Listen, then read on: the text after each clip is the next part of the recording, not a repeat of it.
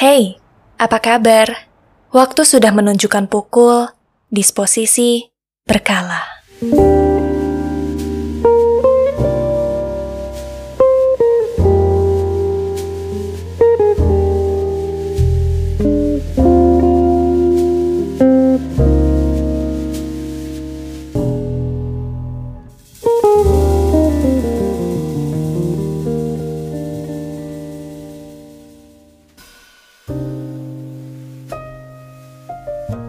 Berbicara tentang ikhlas, tentunya akan ada banyak jawaban yang bercabang.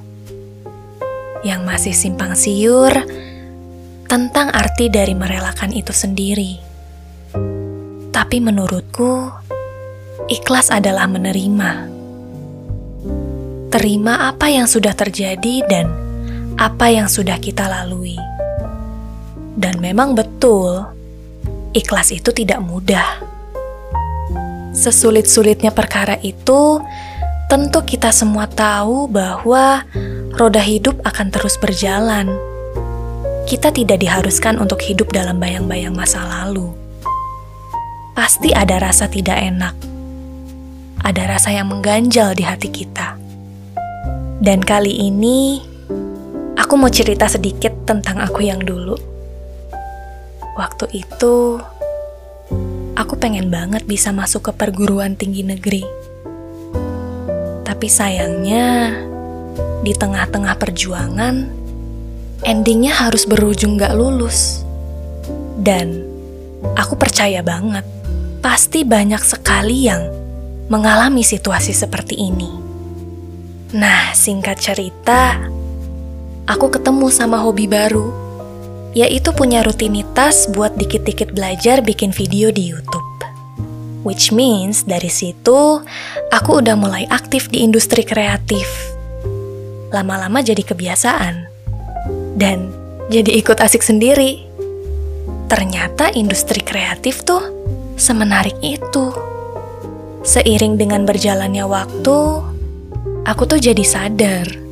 Aku jadi punya pikiran kalau waktu itu aku keterima lulus masuk ke perguruan tinggi negeri, bisa nggak ya aku ada di posisi yang sekarang? Dan makin ke sini tuh, aku makin tahu bahwa Tuhan tuh udah ngasih rezeki sesuai dengan porsinya masing-masing. Kalau emang belum lampu hijau untuk dapat PTN, berarti jalan hidup aku memang bukan di situ, tapi adanya di tempat lain. Nah, akhirnya dari situ aku jadi tahu makna di balik kata ikhlas. Terus aku juga punya pengalaman yang kedua. yang ini sih parah. Sedih banget. Jadi ceritanya waktu itu aku lagi main ke Bandung karena ada urusan kerjaan. Waktu itu aku posisinya lagi main ke rumah temenku di daerah Cikutra. Aku sampai di Cikutra itu jam 2 siang aku parkirin mobil tuh lokasinya cuma berjarak 100 meter. Pas banget di samping rumah temanku itu. Artinya nggak di depan banget dong. Nah, pas jam 7 malam, beres selesai makan, aku keingetan mau ambil barang tuh ke mobil. Baru juga aku buka pintu sebentar, tiba-tiba kok aku kayak denger ada suara bunyi serpihan kaca. Dan pas aku lihat ke bagian belakang mobil, rupanya kaca mobil belakang aku tuh dijebol. Dan di situlah tempat aku naruh drone aku yang belum sempet aku turunin pas check-in hotel. Drone-nya dimaling sama orang yang tidak bertanggung jawab. Aku lemas. Aku sedih. Aku bener-bener bingung mesti ngapain. Jadi di situ aku cuma bisa nangis. Aku benar-benar gak bisa nerima bahwa aku lagi ditimpa musibah. Alih-alih mau cari tahu siapa yang maling, apesnya lagi di daerah tersebut gak ada sama sekali yang pasang CCTV. Dan emang minim banget sih pencahayaannya. Pokoknya kalau diingat-ingat, masih suka ke bawah sedih sih. Di masa-masa aku yang masih belum bisa banget move on, Gak lama dari kejadian yang waktu itu, aku tuh dapat kerjaan yang proyeknya lumayan besar.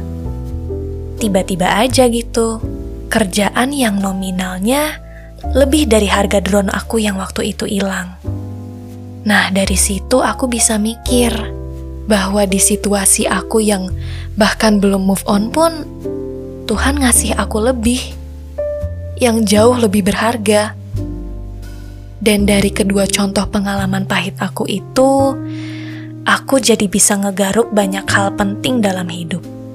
Bahwa ikhlas adalah menikmati semua prosesnya, menelan berliter-liter rasa pahitnya, untuk kemudian hari bisa kita manfaatkan menjadi rasa syukur.